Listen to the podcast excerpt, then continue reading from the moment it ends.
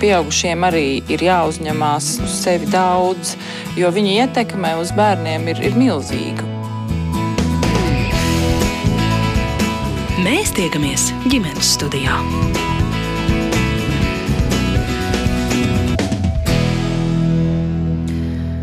Labdien, visus ģimenes studijas klausītājus! Šī gada pēdējā raidījumā sveicinām mēs šoreiz pie mikrofoniem nedaudz plašākā sastāvā nekā ikdienā ir ierasts un pierasts. Proti, mums abām raidījuma vadītājām šeit Agnesei Linkai un Māritai Znotiņai pievienojas šoreiz arī raidījuma producente Sarmīta Kolāte.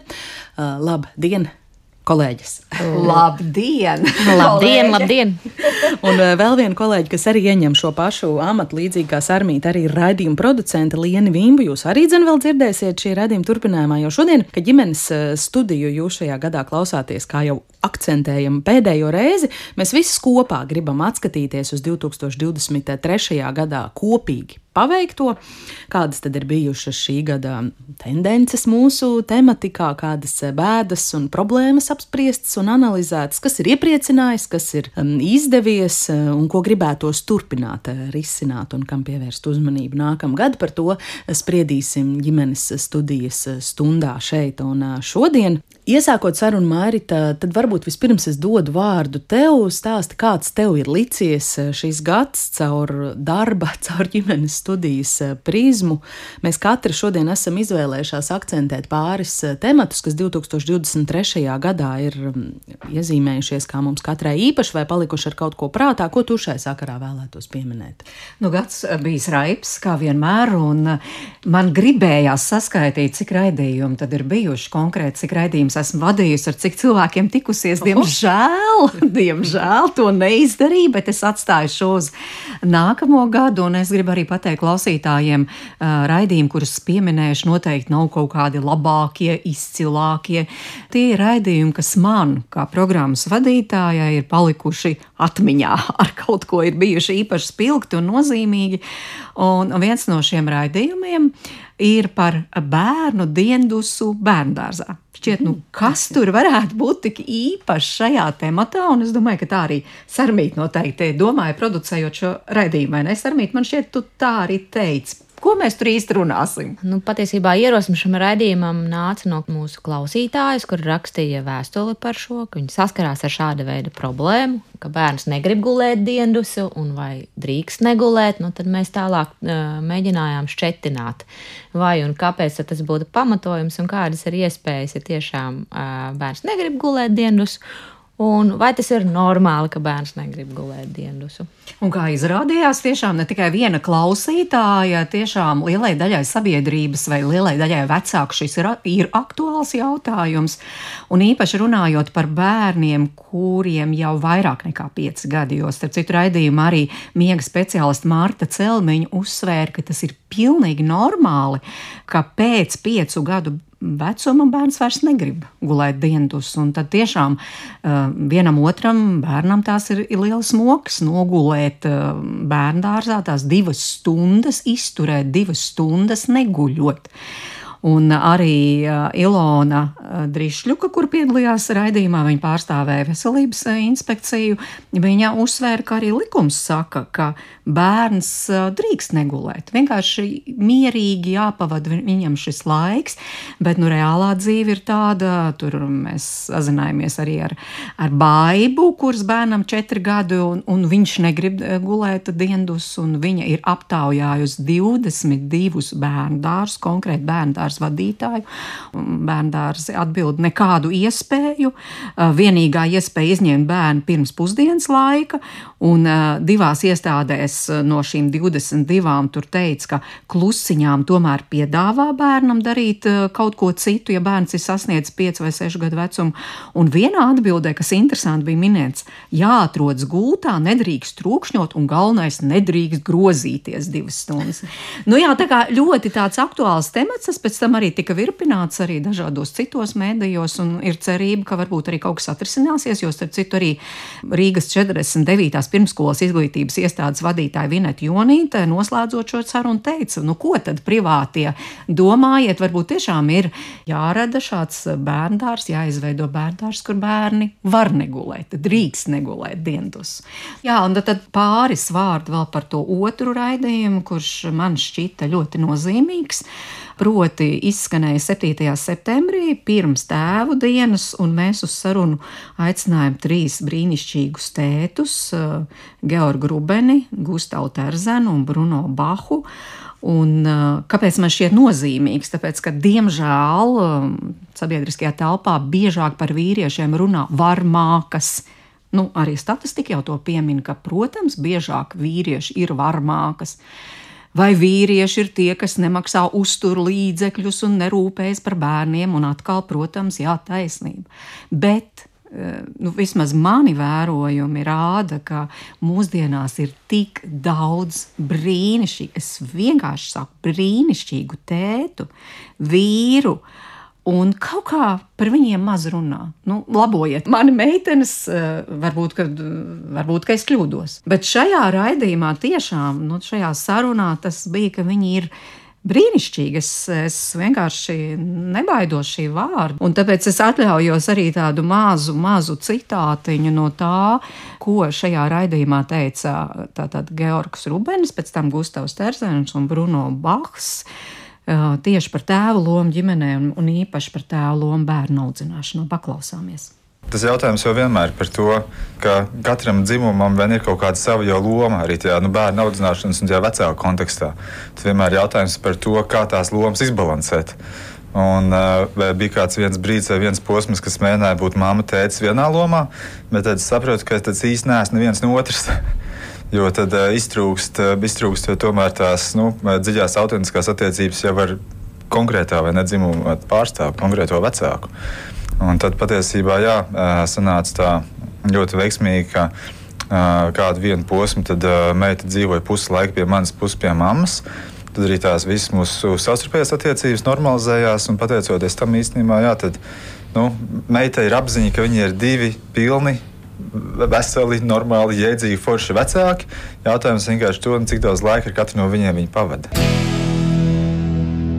Mums tēviem ir jāpieaug caur ciešanām. Es to varu atkārtot tūkstoš reizes. Mēs nedrīkstam izvairīties no nepatīkamās dzīves puses un tēviem, tāpēc ka kas ir tēvs? Tas ir pirmais svešinieks bērna dzīvē. Bērns ir mātes turpinājums, viņš ēd no krūts, un tas ir jūs, līdz trīs gadiem, ja tur ir tā somātiskā saikne. Ja. Tēvs ir pirmais svešinieks bērna dzīvē, kurš viņu ievedīs ārpasaulē, kur ir pilns ar briesmoņiem. Un, ja tu tur tajā drausmīgajā pasaulē nebūsi tēvam vajadzīgs, visticamāk, to nebūs vajadzīgs nevienam citam savā dzīvē. Bērns ir mana cerība, mana nākotne, mana gaisma. Un, um, tas, ko es viņam varu dot jau tagad, patieso kailo dvēseli, sākot no to, ka tēvs pārdzīvo, ka tēvam ir asaras, ka mēs raudam kopā, līdzīgi kā es sevi zemapziņā varbūt dēvēju kā tādu paradumu konstruktoru, kā mehāniķi, jo manam dēlam jau kopš piedzimšanas, kopš viņš sāka runāt, bija divi vārdi populāri. Nē, es nevaru. Tad es esmu sapratis, ka, um, ja es viņam neizskaudīšu šo paradumu, viņš zaudēs iespējas, viņš neizmēģinās kaut ko, kas viņam pienāks, kas viņam nesīs prieku, laimi, jo viņam būs jau barjera. Un tad es viņam mācu atrast to algoritmu, ka nesaki nevaru, varbūt ir par grūtu, man nesanāk, tas ir savādāks formulējums. Man ļoti palīdz, ka es neskatos uz bērnu kā uz bērnu es viņā redzu vienmēr mazo pieaugušo. Mans dēls ir tik pieaudzis spriedumos, ka, ja es runāju ar savu dēlu, kā ar pieaugušu vīrieti, tikai mazākā a, izmērā, ar skaidrāku a, formulējumu, ar, ar vienkāršāku uztveres vārdiem, tad notiek brīnumi. Viņš a, veido paradumus, kā klausīties manī, kā nomierināt mani,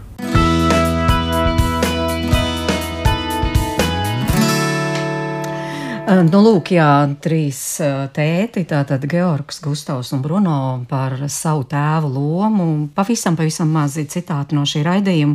Es tikai vēl gribēju piebilst, ka bija tāda emocionālā, pēc tam šūmēšanās, atvainojiet par šo vārdu, tomēr arī gan sociālajos tīklos, gan, gan labdabīgi, gan arī pēc tam saņēmām aizrādījumu, ka nebija precīzi pateikt, cik konkrēti viens no tēviem uzņems rūpes par bērnu, bet manuprāt, tas arī norāda uz to, ka mēs vispār kā sabiedrība neesam vispār gatavi vēl teikt, ka tēvi ir forši ka viņi ir brīnišķīgi, ka mūsu vīrieši ir brīnišķīgi. Es to tomēr šodien gribu pateikt. Gada izskaņā. Mm. Nu jā, zinot eh, šī raidījuma salikumu, es eh, tā teikt, klusi smaidu, jo jaušu, ka šie mairits pieminētie un akcentētie temati vēl pāris reizes eh, iezīmēsies šīs stundas laikā. Bet labi, par visu pēc kārtas, Sarmīta, tu ģimenes studijai pievienojies šī gada sākumā, vai ne? Precīzāk, februārī. Katrā ziņā šī nav tava pirmā pieredze pildot producenta pienākumus uh,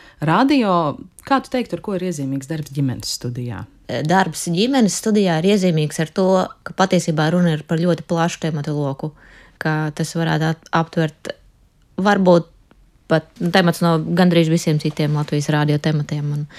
Tāpēc ir jābūt producentam ļoti plašu profilu speciālistam, interesēties par visu, vai vismaz zināt citus cilvēkus, kas interesējās par tām tēmām, par kurām tu neinteresējies. Un, jā, ar to specifisks ir šis raidījums. Nepietiek ar politiku, zinātni vai kultūru, vai ne? jā, vajag arī visu pārējo. Un ģimenes studija vismaz šajā gadā es tā jūtu, un bija arī tāda nepieciešamība, ka mēs runājam par ļoti daudz problēmām.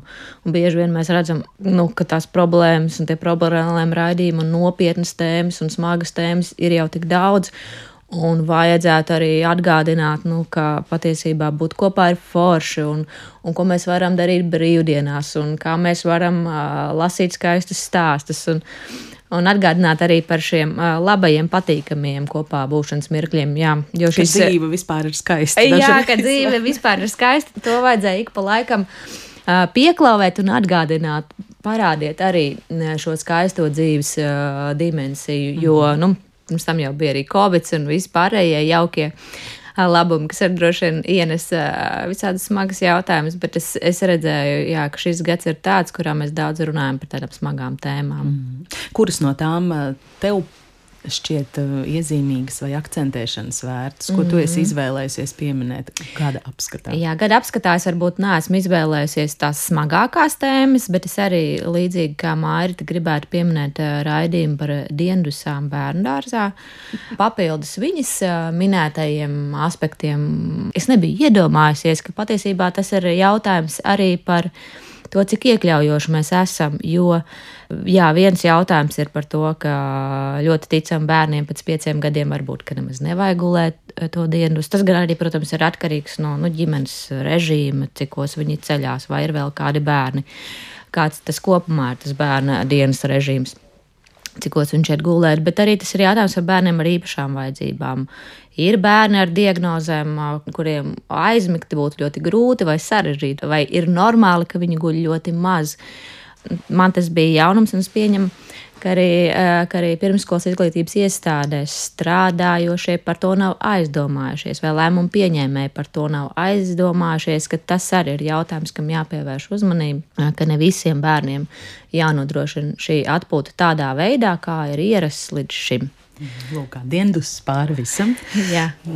Kas vēl ir pieminēšanas vērts, tavuprāt? Vēl tur varētu akcentēt vairākas sarunas. Es uh, gan fragment esmu paņēmis no vienas konkrētas uh, sarunas, kas mums bija par iespējām uh, vecākiem, visbiežāk jau māmām savienot uh, bērnu kopšanas atvaļinājumu un pabalstu saņemšanu ar vēl kaut kādiem papildus darbiem.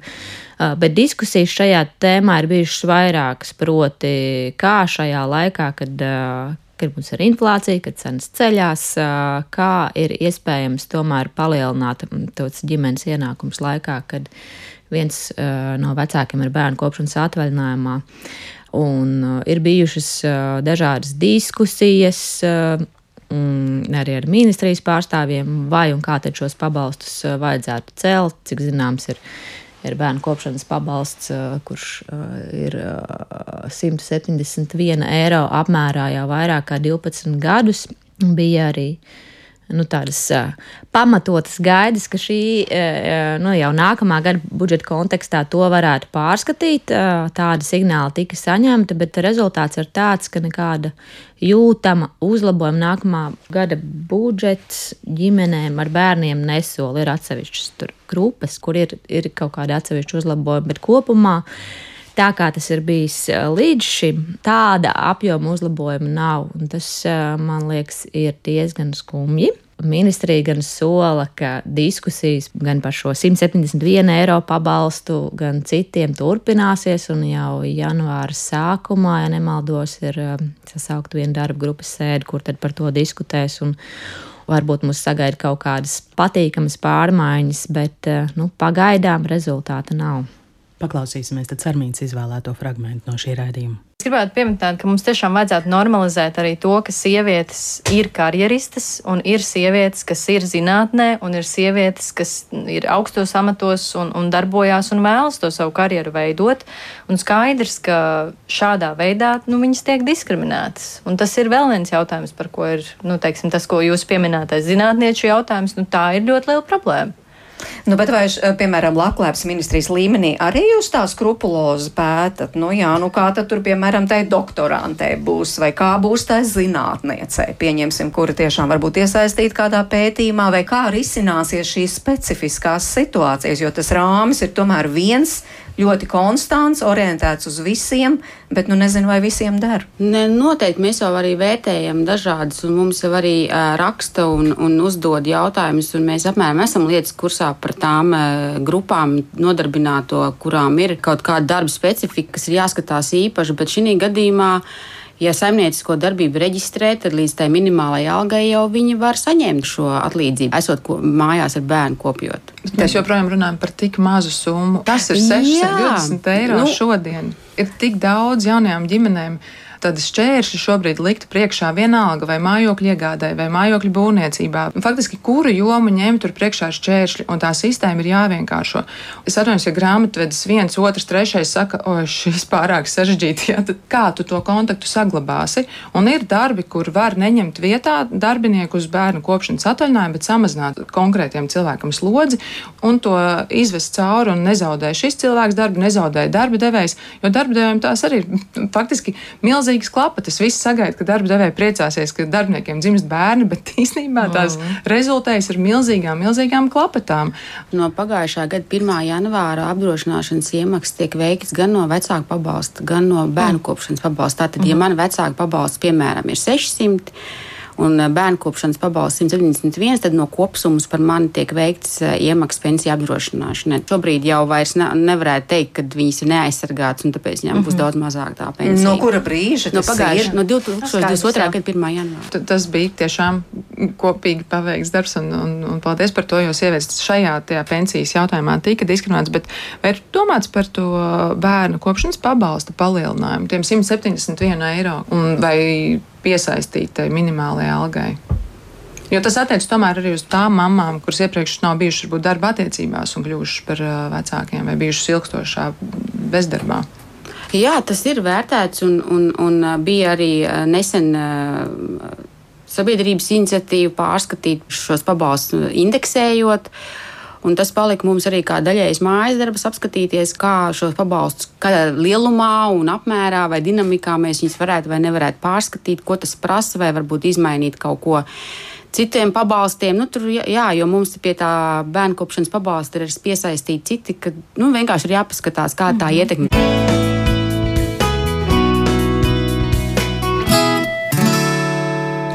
Tāda lūk, sarmīta sliktie akcenti ģimenes eh, studijai 2023. gadā pāri skatoties. Bet Agnese, kāda Jā. ir tavējie? nu, mana kārta arī varbūt uh, stāstīt, ko pārdomājot, kas no šī gada ģimenes tematikas man licies tāds atmiņā paliekošs. Vispirms man gribētos izcelt uh, tematu par šķirto vecāku saskarsmes tiesībām ar m, bērniem, ar kuriem tie nedzīvo kopā uz to. Uh, vispirms jau pavasarī mūs vedināja par to runāt un domāt Eiropas cilvēktiesību tiesas eh, spriedums, kurā kāds tētis uzvarēja ja atceramies, iesūdzot Latvijas valsti par viņa tiesību nenodrošināšanu. Tad, nu, mēs arī ģimenes studijā šo tēmu šogad eh, vētījām nu, ļoti konkrēti divas reizes. Pirmajā reizē vairāk apskatot, kāpēc daļā gadījumā netiek nodrošināta vecāku saskarsme ar bērnu, lai gan dažādi tiesu spriedumi, citi nolēmumi to paredz.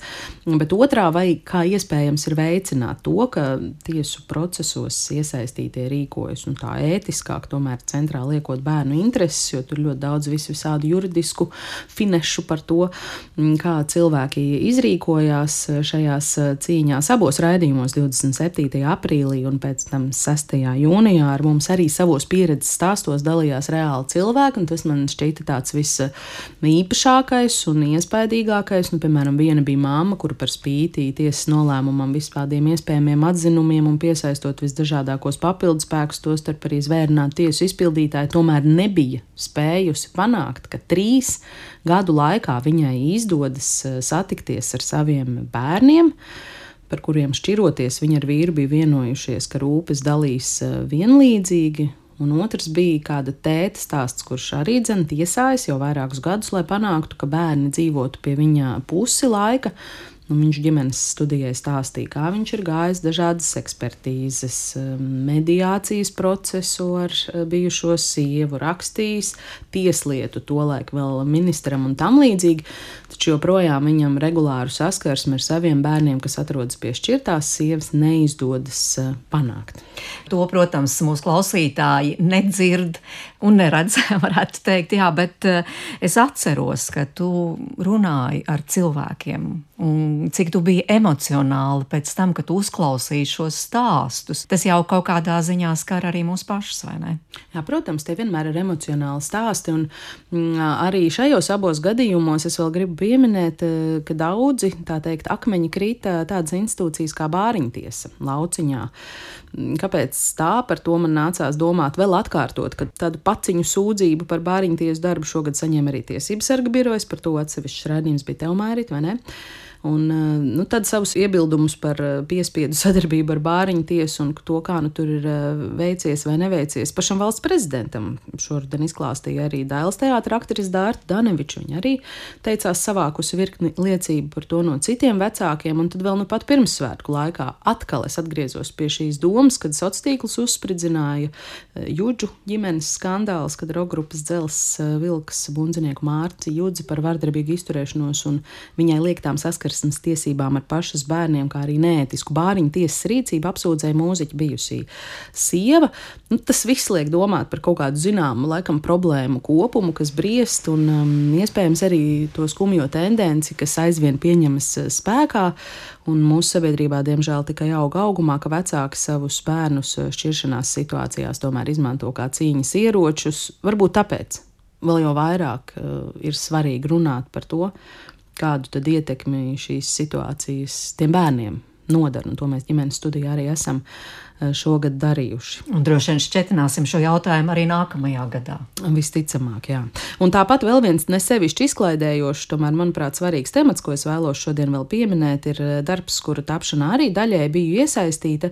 Mm, pētījums, kā rezultātā tapa podkāstu sērija ar nosaukumu Līdera apskāviens. Tas ir stāsts par kādu organizāciju, kur vasaras nometņu tādā brīvā gaisotnē vairāki vīrieši, pedagogi, dēvēti arī par līderiem, gadiem ilgi mūsuprāt, sistemātiski iesaistīja attiecībās, arī seksuālās virknī jaunu, tostarp mm, nepilngadīgu skolnieču.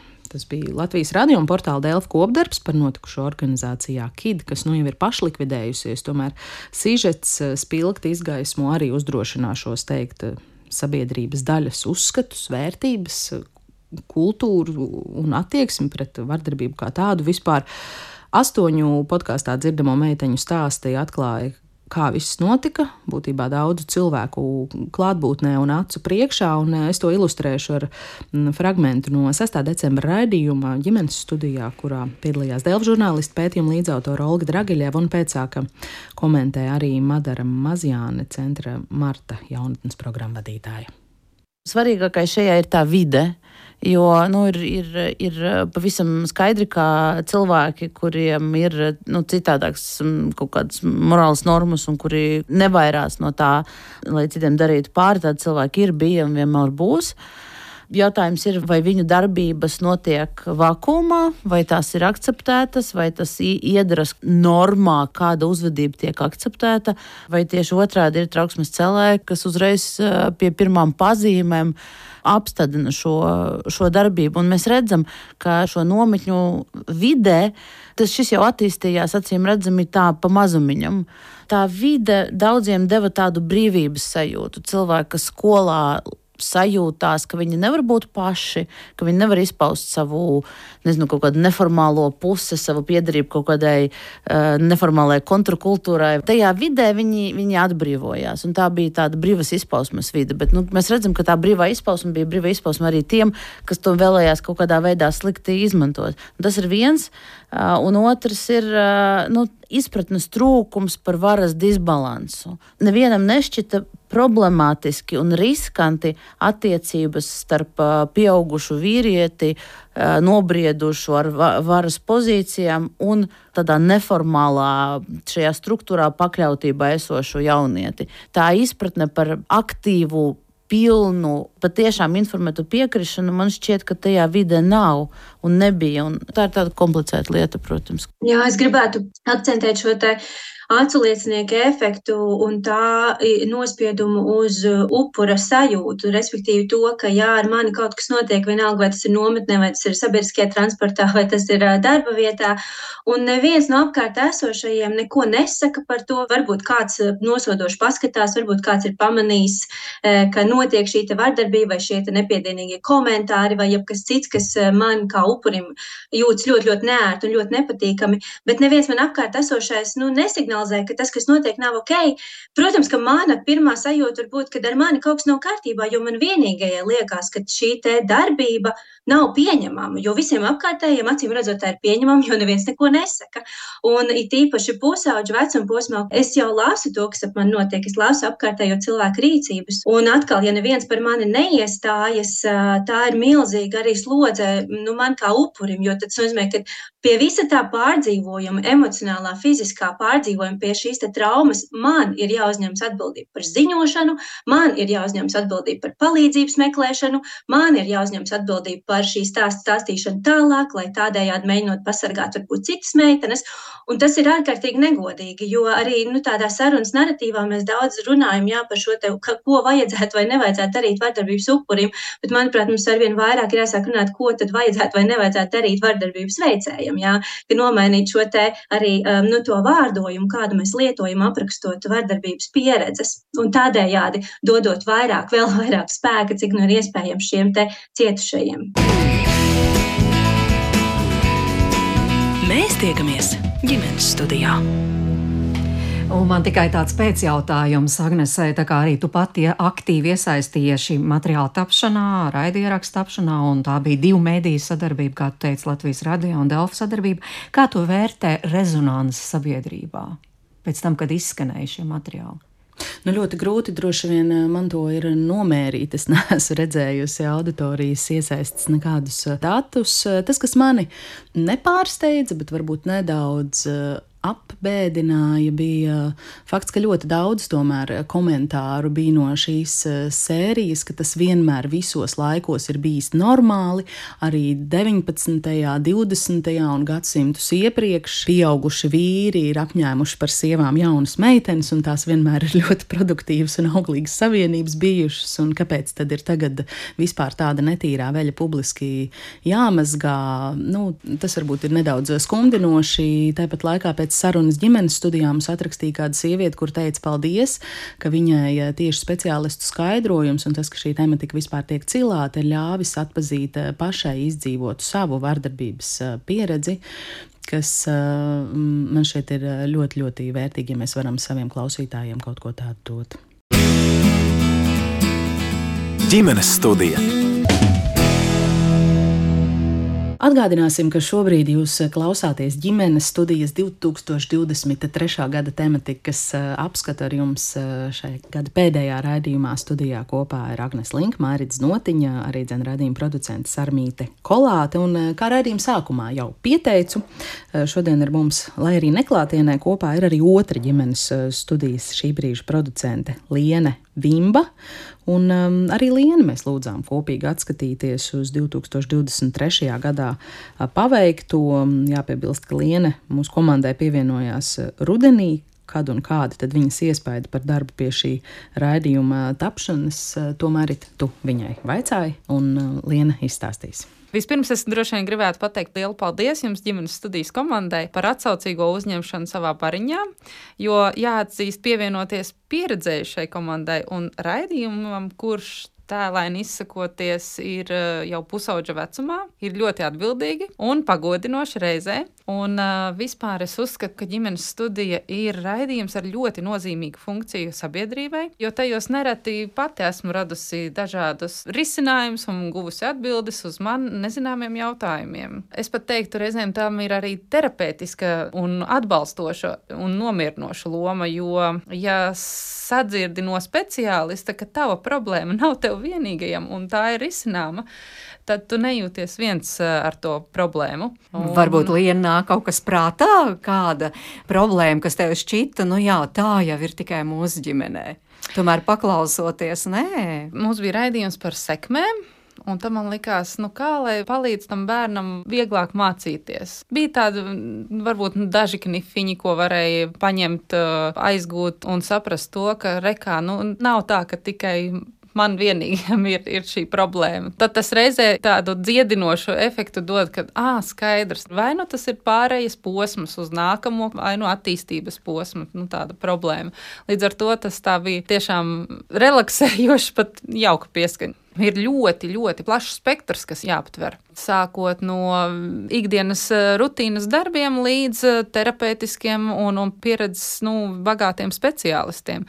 Pašā sākumā man likās, ka tas ir tā vieglāk. Bet izrādās, ka ir nepieciešams papildus vēl zināšanas, vēl jāinteresējas. Tas nav tikai nu, tā. Mm, nu, tas domā. nav tikai par podziņu mācību. Jā, jā, pieņemsim, kas arī, starp citu, ir ļoti sarežģīta un svarīga lieta ģimenē, kad bērniņš ir attiecīgā vecumā. Jā, ir tomēr ļoti plašs spektrs šim raidījumam, un reizēm tev varbūt ir zināšanas par vienu nozari nu, vai, vai nišu, bet ir pilnīgs jaunums cita niša ja mēs izdomājam foršu tematu, tad ir tas kurš man varētu atnākt par šo pastāstīt, vai kur meklēt to īsto pieredzi. Ir kāds raidījums, kas jau šobrīd nu, tā palicis atmiņā, kuru tu gribi pieminēt, jo, jo šoreiz tiešām ir tāda iespēja atskatīties mazliet. Tūlīt kāpsim pāri tam gada slieksnim un sāksies viss no jauna, bet nu, šis ir tas brīdis, kad mēs tiešām atskatāmies atpakaļ. Mm, laikam um, arī dot pieci sakarā mm, to, ko mēs iesākām ģimenes studijā runāt par raidījumu, par ārpus skolas aktivitātēm jauniešiem, un ka tas reizēm ir glābiņš jauniešiem, ka ir jāatrod piederība tam bērnam, sava tā miera ostas vieta, un tad viņš var tālāk izpausties. Ja pusaudzis nevar izveidot sakarīgu un pozitīvu identitāti, tad, tad izveido negatīvu identitāti. Ja tu skolā esi pēdējais, atstumts ar mācībām, netiec līdzi, nesaņem varbūt tādu atbalstu, tev nav nekāda brālība kaut kur ārpusē. Kā tieši būtu pulciņos, sportos, ārpus skolas aktivitātēs. Dzīvo savu pensionāru dzīvi, aizēj mājās, nosit laiku, aizēj uz skolu, nolauz dienu. Un, un patiesībā tas jautājums ir kas tad es īsti esmu, trūkst jau orientieri, lai izveidotu tādu identitāti, ka tu saproti, ar, ar ko tu vispār vari izcelties. Un, ja nevar izcelties ne ar ko sakarīgi, tad pamazām sāc izcelties ar savā aprindās ar kaut ko, no ar ko tu vari. Nu, pieņemsim, ka es vienkārši principā nemācos, vai es dzēru aliņu un braucu ar mocīti bez tiesībām, un viss saka, oho, kā tu varēji, un, un veidojas negatīva identitāte bet caur tādu lielu pieņemšanu ir jāspēj atrast veids, kā mēs varam sadarboties un nākotnē, lai viņi kļūtu par nu, maksimāli produktīviem sabiedrības locekļiem. Tā, tā ir visu mūsu atbildība. Un vislabākais tad, jā, nu, uzslava viņam ir vajadzīga. Jo varbūt skolā šiem palaidņiem ir tā, ka uh, skolotāji, nu, ja viņš ir palaidnis, tad palaidnis visu laiku. Zīmoks, zīmoks, zīmoks jā, un šī, šī ir tā vieta, ja, kur mēs nezīmogojam, un bieži vien nāk skolotājs saka, baida ar jaunsardzi. Viņš nemāks skolā uzvesties, viņš nedrīkstēs iet uz jaunsardzi. Nu, kāpēc? Nu, kāpēc jūs nesakāt, lai viņš neiet uz koru vai neiet uz dejošanu? Kāpēc jūs baidat ar jaunsardzi? Ja, tā liekas nu, kaut kā nepareizi reizēm. Nu. Ka mēs visi esam vēl joprojām tie paši jaunieši. Mēs vienkārši esam iemācījušies kontrolēt gan emocijas, gan teiksim, kaut kādus komentārus vai kaut kādus no malas, no tiem teiksim, sliktajiem draugiem, kas jau ir no ceļa, kas komentē, o, tu tur ne tā esi saģērbies, vai tu tur nemāki to, tu tur tīzlis esi fiziski, vai nu, aizvainojums, teiksim, kas, tādi, kas tiešām aizvaino, tad tu sarojies vēl vairāk, un tu nekur negribi doties vispār, nekur eksistēt. Vispār.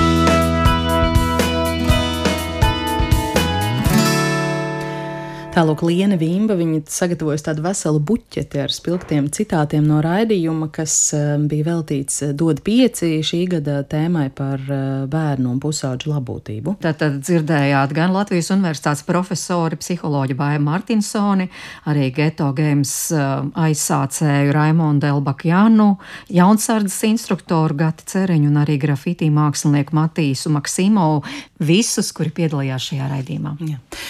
Turpinot eh, ģimenes studijas eh, šī gada apskatu, vēl viens tāds aspekts, ko man eh, šķiet svarīgi pieminēt, ir, ka ļoti liela un man šķiet ar katru gadu aizvien lielāka mūsu darba daļa ikdienā ir saistīta ar digitālo vidi. Daudz satura tur nonāk gan caur portālu LSMLV, gan arī caur mūsu sociāliem tīkliem. Kā jums šķiet, jūs to izjūtat?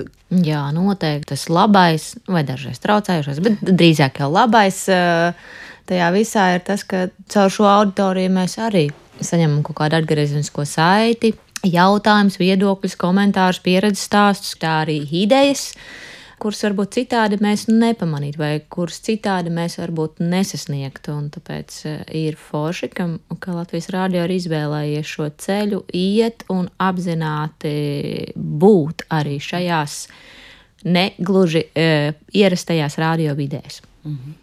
Es kā raidījuma vadītāja to izjūtu pirms raidījuma, kad runājos ar studijas viesiem un brīdinu, jūs te arī filmēs, un tad ir satraukums tiešām, vai tiešām jāiet ķemmēt mati, un radio ir mainījies, un radio tiešām ir mainījies.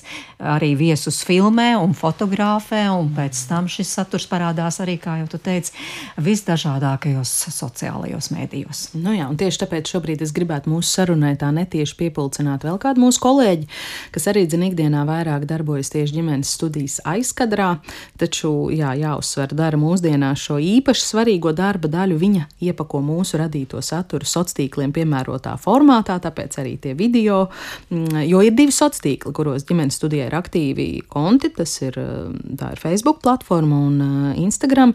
Tajos saimnieko mūsu kolēģi Ieva Zariņa Un, jā, arī Ievu aicinājām parunāties šī gada nogales raidījumā. Paklausīsimies viņas teiktajā. Es viņai sākumā vaicāju, cik sen viņa darbojas šeit, ģimenes studijā. Labs jautājums. Man liekas, es atceros, es pievienojos tieši tajā pandēmijas pīķī, pārgāju no ziņu dienas uz ģimenes studiju. Un tad tie varētu būt kaut kādi trīs gadi pavisam noteikti. Rādījā mājā es esmu kādus septiņus, varbūt sešus, un tad sadalot uz pusēm, trīs gadi jau ar jums aizvadīti, man liekas, ir jā.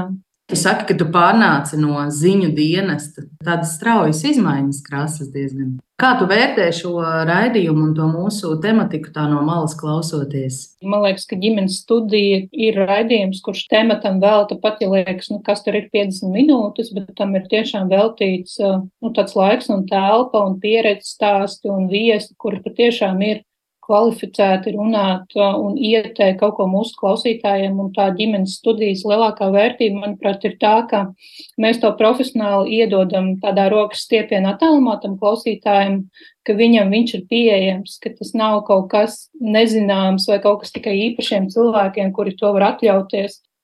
Un, lai tas būtu vēl tuvāk mūsu auditorijai, un tiešām rokas stiepienā attālumā vai klikšķa attālumā, varbūt var teikt arī tā, tu e, rūpējies, lai mūsu sociālo tīklu sekotāji saņemtu daļu no tā satura, kas izskan radio ēterā. Vai tu vari pastāstīt, kas 2023. gadā ir šķitis ievērības cienīgākais no mūsu satura, no mūsu tematikas, mūsu Facebook un Instagram sekotājiem. Nu, tā vispār gadu mijā, atskatoties uz 2023. gada paveikto, tur, protams, jāsaka, ka visa komanda, redakcija, arī multimediju daļa ļoti čaklī strādāja, lai auditorijai sniegtu kvalitatīvu un daudzpusīgu saturu. Bet šogad, jo īpaši digitālajā vidē, man liekas, mēs balsi iedavām tēviem, turpinot iezīmēt, protams, visai būtisko lomu bērnu audzināšanā, mājas darbu sadalē, protams, arī partneru attiecībās. Es gan, protams, nevēlētos izcelt tikai vienu raidījumu vai sarunu katram veidotājam. Es domāju, tas ir ļoti grūts uzdevums gada beigās izvēlēties vienu, bet ja gadījumā kāds klausītājs šobrīd mūs klausās un viņš prāto, ko tad vēl no mūsu raidījuma vēl paklausīties, tad es ļoti labprāt ieteiktu sarunu, kas bija veltīta tēva dienai, kur piedalījās trīs tēti kuri stāstīja par arī skaudriem zaudējumiem, vecāku atbildību un attiecībām. Man liekas, tā saruna kaut kādā veidā kā samīļo, vedināja aizdomāties vispār par vairākām dzīves vērtībām un kas mums ir apkārt un par mūsu bērniem un tā tālāk. Tieši šī tēvu dienas saruna arī izraisīja vislielāko rezonanci arī Facebookā un Instagramā. Tā kā es domāju, ka arī auditorija novērtē, ka arī vīrieši dalās par kaut kādām lietām, kas ir zaudējumi vai ikdienas pienākumi, bērnu audzināšana vai kaut kādas tādas lietas auditorija ļoti novērtē, ka mums ir ļoti autentisks un, un dažāds saturs, un tas ir pieejams visiem. Un ka tie cilvēki nav, varbūt kā mums ir pierasts sociālajos medijos, redzēt um, viedokļu līderus ar lielām auditorijām vai kaut kādas citas slavenības vai kaut kādus cilvēkus, kuri nereti ir, nezinu, kādiem žurnālu vākiem. Šie ir reāli cilvēki, cilvēki mums tepat blakus, un mēs viņiem iedodam balsi, lai arī viņu pieredzes tiek izstāstītas, un kāds ar to identificējas, un, un kāds saredz tur līdzīgo, kāds no tā pamācās, kāds varbūt neskatās, un tas arī ir ok. Nu, Es domāju, ka tā ģimenes studijas platforma ar katru gadu aug ar vien lielāku un lielāku.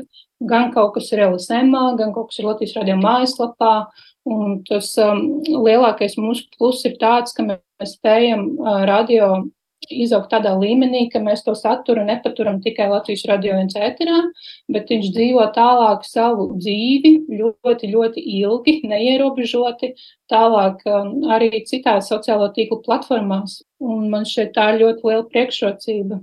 Un mēs arī jūtam, ka auditorija to ļoti labprāt sagaida. Piemēram, konkrēti psihoterapeits Arthurs Miksons, kurš uh, ļoti izsmeļoši un daudzpusīgi runā par pāru attiecību izaicinājumiem, zem šī psihoterapeita video materiāla viena no lietotājiem bija ierakstījusi lielu paldies par šo materiālu, ka viņai tā bija bezmazliet jau kā terapija. Un, manuprāt, tas jebkuram satura veidotājiem ir ārkārtīgi liels kompliments, ka tevis veidoto saturu, kāds jau uztver par brīvu pieejamu terapijas sesiju.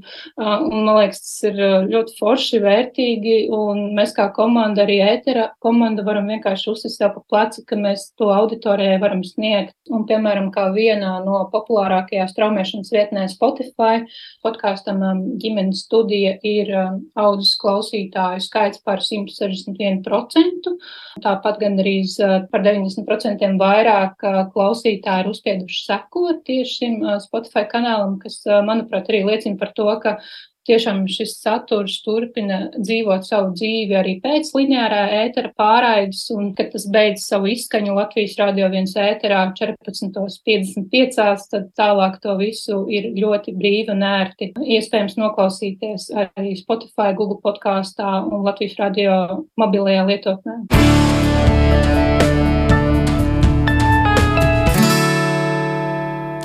Tālāk mūsu kolēģi grib teikt multimēdiju burve Ieva Zariņa. Jāpiebilst, ka Ievas darbs šogad arī ticis īpaši novērtēts, proti Latvijas radio gada balvu pasniegšanā. Ieva saņēma apbalvojumu, Mērita, tu zini precīzi. Jā, tiesa atskatoties uz 2022. gadu, bet tā tad nominācijā labākais multimediālais saturs, labākā ir ģimenes studija digitālajā vidē, un tiešām liels, liels paldies par šo Ievai Zariņai viņai mūsu kolēģei. Ja, bet ģimenes studija pie interneta lietotāja auditorijas katru darbdienu nonāk arī caur sabiedrisko mediju portālu LSMLV, kur katru dienu mūs klausās un no mūsu raidījuma rakstu veido mūsu kolēģe Ināra Antiņa, arī viņai eh, šajā gada nogales raidījumā vēlējāmies pavaicāt, kāda tematika no ģimenes studijas satura svarīgākā šķitus tieši LSM eh, lasītājiem, kas par to balso ar nu, klikšķiem uz konkrētiem virsrakstiem. Paklausīsimies Ināra Ināras teiktajā. Cik gadus tas tā varētu būt, ka tu patiesībā katru dienu klausies ģimenes studiju? Vai tas tā Jā. ir? Katru dienu es klausos ģimenes studiju jau gadus septiņus. Jā, es esmu aktīvākais ģimenes studijas klausītājs. Noteikti. Ne, Par aktīvāko es, protams, nezinu, bet klausītājs, kurš arī pieraksta to, ko es dzirdu, tas noteikti tā ir. Jā. No šiem pierakstiem to raksta LSM. Jā, tātad no šiem pierakstiem to raksta LSM, un ko mēs redzam, ka tas lieliski strādā, tādēļ, ka cilvēkiem ir dažādi klausīšanās vai informācijas iegūšanas paradumi. Nu, materiāla daudzums gadu laikā, jau, protams, ir ļoti apjomīgs. Un, ja es tagad nu, tādu pārskatu veidoju, ko mēs gadu laikā esam par ko rakstījuši un kādas ir bijušas tās galvenās tēmas, Tad pēc formas tad iedalīt no divas grupas, kas patiesībā arī ir tas jūsu raidījuma formāts. Tas ir tie ikdienas raidījumi un ir piekdienas raidījums, kas ir ģimenes portreta raidījums. Tie ģimenes portreta raidījumi iet gaisā piekdienā, bet pie mums mēs viņus parādām sestdienas svētdien, jo esam atraduši to par labu. Esam redzam, ka cilvēkiem tas patīk, jo viņi noteikti mierīgā gaisotnē savā brīvdienā vai nu lasa vai noklausās šo raidījumu jo tie ir tādi ģimeniski stāsti, tie ir gan stipri, gan emocionāli stāsti, tur var iedvesmoties un mācīties. Par pārējo saturu, kad apskatīju to, kas ir gadu laikā bijis un kādas ir tās cilvēku lasītākās tēmas, Tad ir divas, tā arī ir bijis iepriekšējā gadā, skatījos, tātad bērnu audzināšanas tēmas ir ļoti iecienītas. Un otra tēma ir izglītības sistēma. Gan tās saturs, gan skolu sistēma, skolu vide. Pagājušajā gadā bērnu audzināšanas tēma bija noteikti priekšgalā. Šogad ir tā kā mazliet miksēta, es teiktu, ka abas līdzvērtīgas tēmas. No bērnu audzināšanas jomas lasītākais raksts ir par pāraprūpi un bērnu patstāvību un bērnu sargāšanu pie mums Tātad tie ir tie cilvēki, kuri tieši pie mums LSM to ir izlasījuši. Nu, un tad ir jautājums, kas ir vēl interesējuši par dažādiem ierobežojumiem, disciplinēšanu un sodīšanu. Dažādās situācijās, kad bērns ir agresīvs vai kā sabiedrībā bērns uzvedās, un kādas šādas jomas. Attiecībā uz izglītības jomām, personīgi man šķita, ka šogad mēs esam ļoti daudz runājuši par mobbingu skolā. Mēs esam daudz runājuši par to, kā to mm, izskaust un, un, un kā izskaust agresiju. Ir bijuši ļoti daudz raidījumu, un arī LSM ir bijuši raksti. Bet nē, pirmā vieta ir lasīšana. Tas izriet no pētījuma par mūsu sliktiem rezultātiem lasīt prasmē, un tad ir populārāka par to pētījumu ir bijuši ieteikumi, raidījumi par ieteikumiem vecākiem, ko tad var darīt, kā vecāki var palīdzēt uzlabot bērnu lasīt prasmes. Tad ir vēl trešā lielā grupa. Tie ir raidījumi, kuri ir par normatīvajiem aktiem, par izmaiņām likumdošanā, kur skaidro par ģimeni, par bērnu audzināšanu, par laulāto attiecībām. Acīm redzot, cilvēkiem tas ir nepieciešams tādēļ, ka tādā veidā viņi var nu, gūt skaidrojumu, jo ne visi ir spējīgi izprast un lasīt likumdošanu. Un no šī izrietot, ja es saku, ka divas tēmas, bērnu audzināšana un izglītība, ir dominējošas tajā saturā, lasītāju izvēlē, Tad pāri visam šajā gadā vislasītākais raksts pie mums ir pāri 24,000 ir izlasījuši rakstu LSM vecāku sadaļā par to, vai piecgadniekam mm, bērnu dārzā ir jāguļ dienduse, vai viņš var arī tikai atpūsties. Vai kā mēs vakar runājām ar saviem kolēģiem, vai valdība ir pieņēmusi tādu likumu, ka obligāti visiem bērniem ir jāiemieg dienā uz pāris stundām, ja tomēr tāda likuma nav un bērns var atpūsties kādā citā formā. Tā kā draudzība ir laba lieta visiem, gan žurnālistikā, gan kā rezultāts mūsu klausītājiem un lasītājiem. Draudzēties turpināsim arī 2024. Jā, ģimenes studija var būt ļoti, ļoti droša, ka es būšu tā, kur katru dienu klausīsies ģimenes studijas raidījumus. Vismaz viens eh, jums ir garantēts klausītājs noteikti.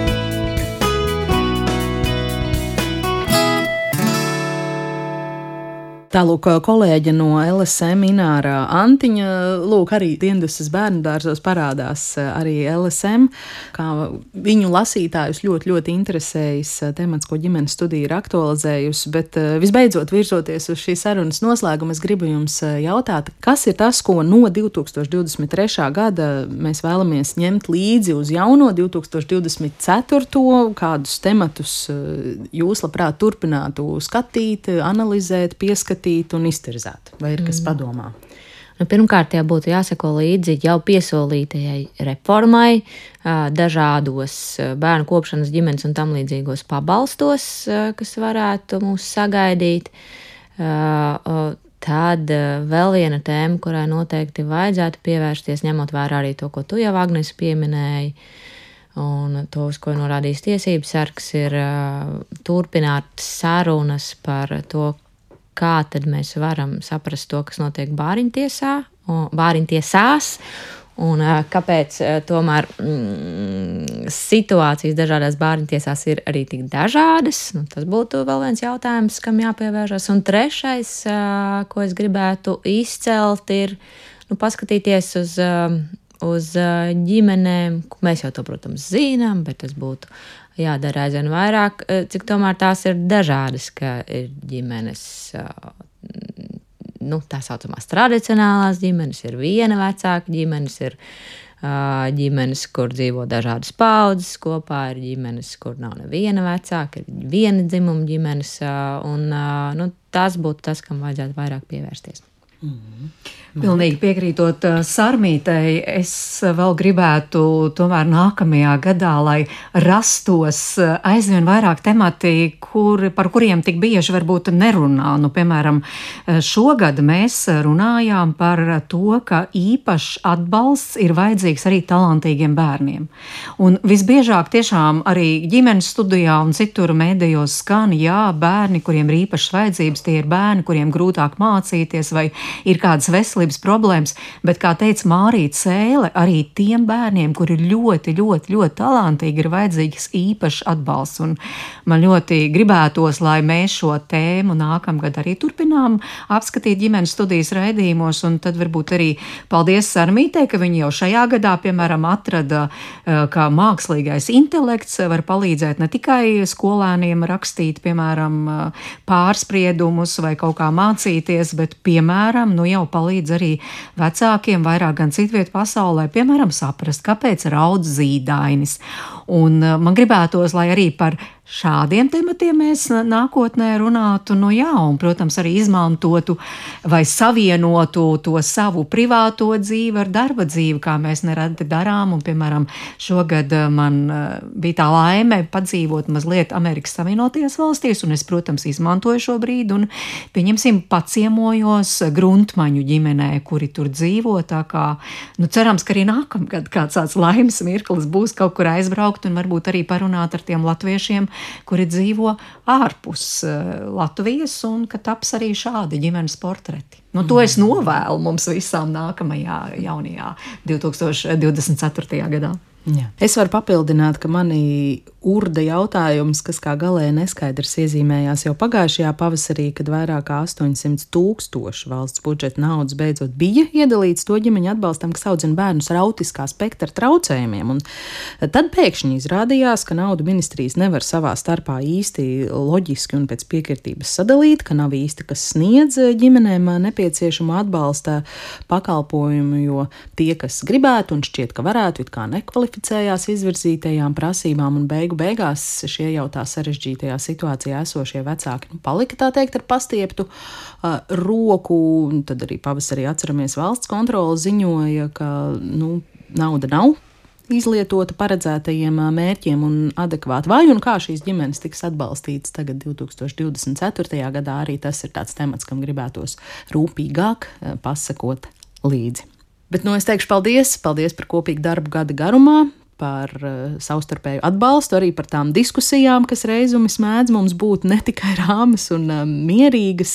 Paldies arī visiem mūsu klausītājiem un uz uh, sadzirdēšanos arī nākamgad, gan katru dienu, kā ierasts no diviem līdz trijiem Latvijas Rādio 1 ēterā, gan arī Latvijas Radio mobilajā aplikācijā, gan arī visās uh, podkāstu vietnēs un uh, sociālos tīklos. Šodien pie mikrofoniem bijām mēs, Agnese Linka. Mairita Znotiņa un Sārmīte Kolāte. Bet pie skaņa pults Kristīna Dēle. Laimīgu jauno gadu un uz sadzirdēšanos! Ģimenes studija